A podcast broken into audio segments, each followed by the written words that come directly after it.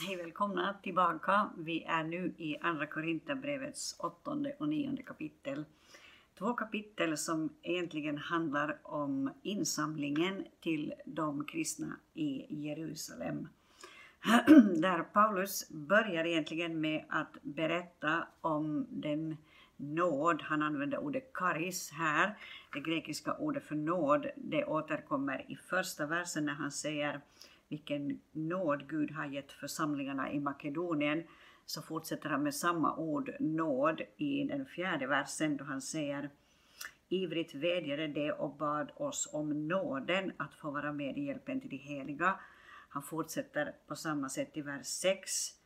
Um, ehm, därför bad vi Titus som redan hade påbörjat insamlingen att fullborda denna kärleksgåva hos er. Där det är samma karis som används.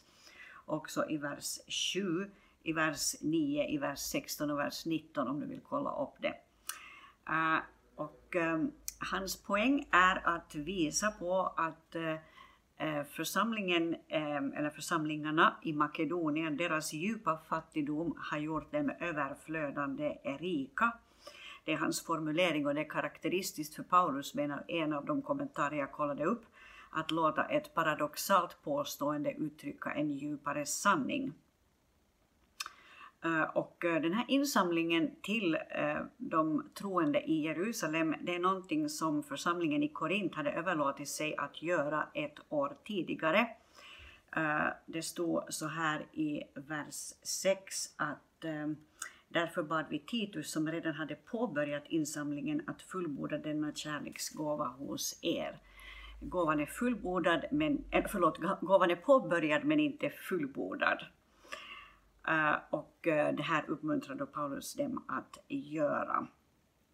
Och han understryker med det här ordet karis, nåd, som han då använder, eh, så understryker han att också den här insamlingen ska vara någonting som uttrycks och markeras med nåd.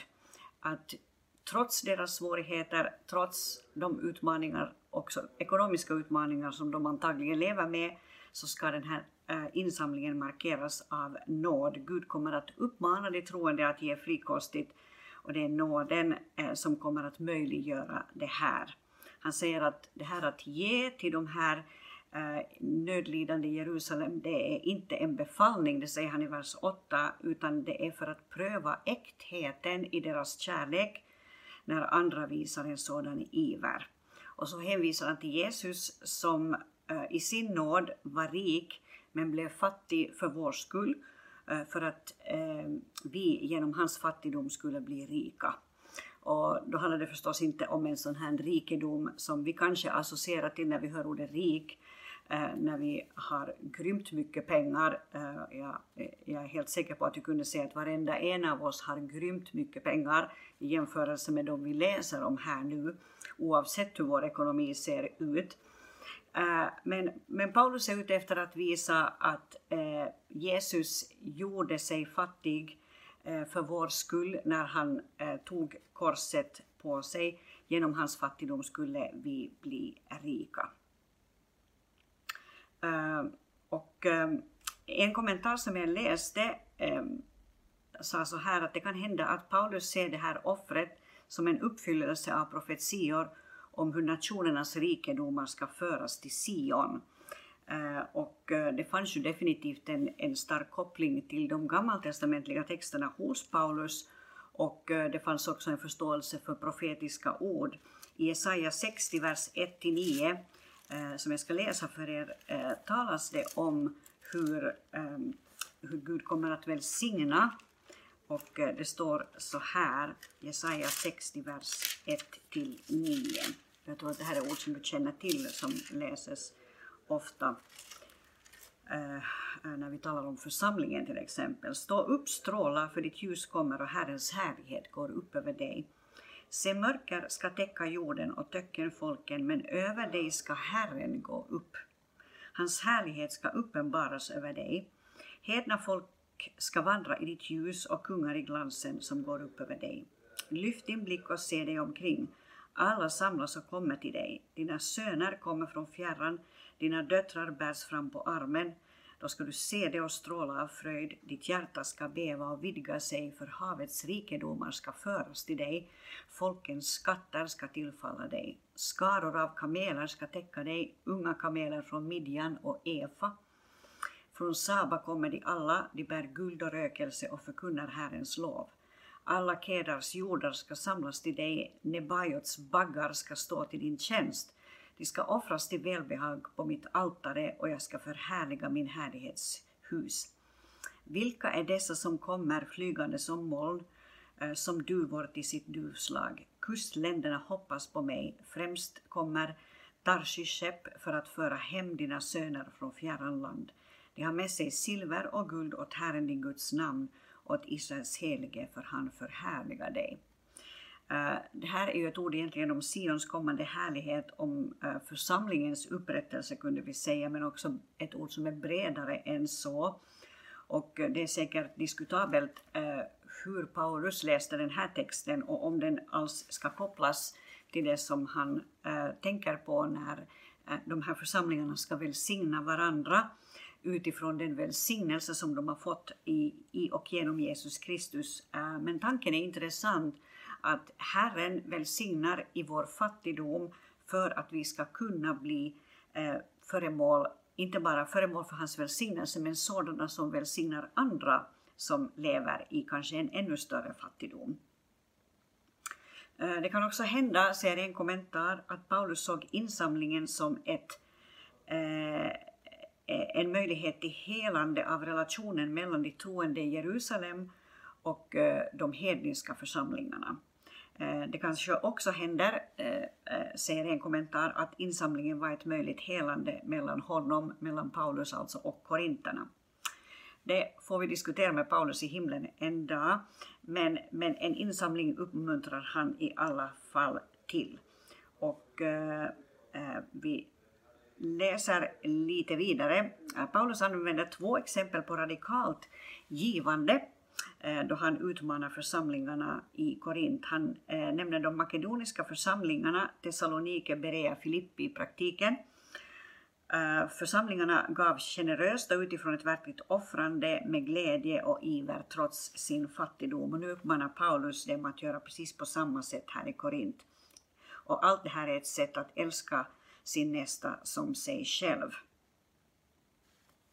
Eh, och eh, han menar att om hedningarna, precis som korinterna, hörde evangeliet som ett resultat av eh, spridandet av evangeliet från Jerusalem till den övriga världen så behöver det nu ge tillbaka av välsignelsen rent ekonomiskt. Och det här är då ett, ett visande på Guds nåd. Jag ska läsa vers 9. Om vi går tillbaka till Andra Korinthierbrevet 8 och vers 9 där det står så här. Ni känner ju vår Herre Jesu Kristi nåd. Han var fattig. Förlåt, han var rik men blev fattig för er skull för att ni genom hans fattigdom skulle bli rika. Det kanske jag citerar den en gång men vi tog det en gång till då i så fall.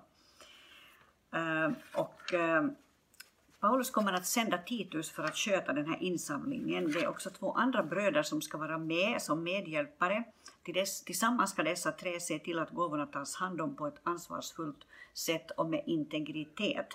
De två andra nämns inte vid namn, kanske för att Paulus vill skydda eh, ledaren eller, eller liksom vill att ledaren Titus ska erkännas eller kanske för att han vill skydda själva gåvan. Det är eh, är oklart. Det står så här att eh, Tillsammans med honom, alltså med Titus, nu är vers 18, har vi sänt den broder som får beröm i alla församlingarna för sitt arbete i evangeliets tjänst. Så det är en person som eh, är en person med integritet och som har fått beröm för sitt arbete. Eh, och så säger han lite senare, tillsammans med dem har vi sänt ännu en broder, vers 22, som vi ofta och på många sätt har prövat och funnit hängiven, särskilt nu eftersom han har så stort förtroende för er. Så det är ännu en broder som har ett förtroende och de här vill Paulus skicka då tillsammans med Titus för att sköta om den här insamlingen. Tillsammans ska de här se till att gåvorna tas hand om eh, ansvarsfullt och med integritet. Och eh, då går jag vidare till kapitel 9 där Paulus repeterar en hel del från kapitel 8. Eh, Paulus eh, han börjar med att tala om igen om hjälpen till de heliga. Han säger att jag vet hur villiga ni är och inför makedonierna brukar jag berömma er och berätta att Akaja har varit redo sedan i fjol. Er iver har sporrat de flesta. Eh, och eh, så säger han så här att eh, nu sänder jag ändå bröderna för att vårt beröm av er i denna sak inte ska visa sig vara tomt prat och för att ni ska vara förberedda som jag redan nämnt. Annars får vi, för att, säga, för att inte säga ni, stå där och skämmas när makedonierna kommer med, som kommer med mig ser att ni är oförberedda trots vårt förtroende för er. Och så kommer han in, till såna här, eller kommer in på sådana här principer som gäller ekonomi. Han säger att den som sår sparsamt får skörda sparsamt, den som sår rikligt får skörda rikligt. Och han uppmuntrar att var och en ska ge vad han har bestämt i sitt hjärta, inte med lust eller tvång, för Gud älskar en glad givare. Gud älskar en givare som verkligen ger med glädje och som har tänkt över vad han eller hon ska ge. Eh, det är intressant att han säger så här att var och en ska ge vad han har bestämt i sitt hjärta. Eh, så det ska vara ett, ett offer som man har tänkt över, ett offer som, som man har reflekterat över och som därför är något som eh, sker seriöst. Och så säger han så här att, att eh, Gud har makt att ge er all nåd i överflöd så att ni alltid och i allt har nog av allt och kan ge i överflöd till varje gott verk. Det hittar du i vers 8. Så Paulus uppmanar till ett radikalt givande. Han säger att Gud har makt att välsigna er så att ni har allt det ni behöver och kan ge verkligen med överflöd. Då blir ni rika på allt Eh, och kan vara generösa i allt och allt det väcker tacksamhet till Gud när vi överlämnar gåvan. Eh, och han säger också att han som ger såningsmannen sätt till att så och bröd till att äta ska ge er utsäde och mångdubbla det och låta er rättfärdighet ge god skörd. Det var i vers 10. Så han litar på Guds nåd. Eh, han påminner om att ge med rätta motiv, motiv och påminner om några viktiga principer. För det första principen sådd och skörd att resultatet är alltid beroende av vår generositet. Vi skördar det vi sår. Man kan inte skörda det man inte har sått. Sår vi med ett glatt givande så kan vi också räkna med en skörd av Guds välsignelse. Inte med tanken och poängen att man ska bli rik, att Gud ska välsigna oss med enorma rikedomar, utan därför att det är en princip att när vi sår välsignelse så kan vi också få skörda välsignelse. Han säger också för det andra att en människa ska ge, inte med olust eller tvång, men med ett glatt hjärta. Gud älskar en glad givare. Det är en ganska stark eh, signal egentligen. Och det, det, där uttrycket att Gud älskar en glad givare är ju nästan ett sånt här uttryck som man brukar smila lite åt, att det låter det låter eh, lite provokativt nästan, men, men det är ett faktum att Paulus säger så att Gud älskar en glad givare.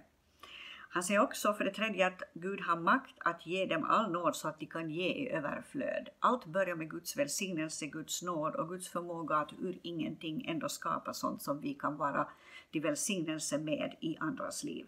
Och tacksamhet, det är den fjärde principen, tacksamhet kommer att vara resultatet. Ja, de det kommer också att be för er och längta efter er på grund av Guds överväldigande nåd mot er. Gud vare tack för hans obeskrivligt rika gåva. Så slutar Paulus i det här. Eh, så på samma sätt så vill jag uppmuntra dig till att där du är ställd att vara en glad givare, inte att ge för att du känner tvång, det är inte principen, det säger Paulus också. Vi ger inte för att vi känner tvång eller, eller med ett ovilligt hjärta, vi ger med villiga hjärtan. Eh, och det är en viktig, viktig princip. Eh, det är inte meningen att man ska liksom leva i en ande av bitterhet som troende att jag har offrat så mycket och vad ser jag? Ingenting. Utan lev utifrån den kärlek som Gud ger dig och när du offrar så gör det som en gåva av ett rent hjärta, av ett glatt hjärta och av ett hjärta som verkligen vill bli till välsignelse. Och eh, där ska jag stanna idag. Snart så kommer vi, eller om en vecka, så kommer vi till eh, nästa två kapitel och då handlar det om Paulus försvar av sin apostlatjänst i kapitel 10 och Paulus och de falska apostlarna i kapitel 11.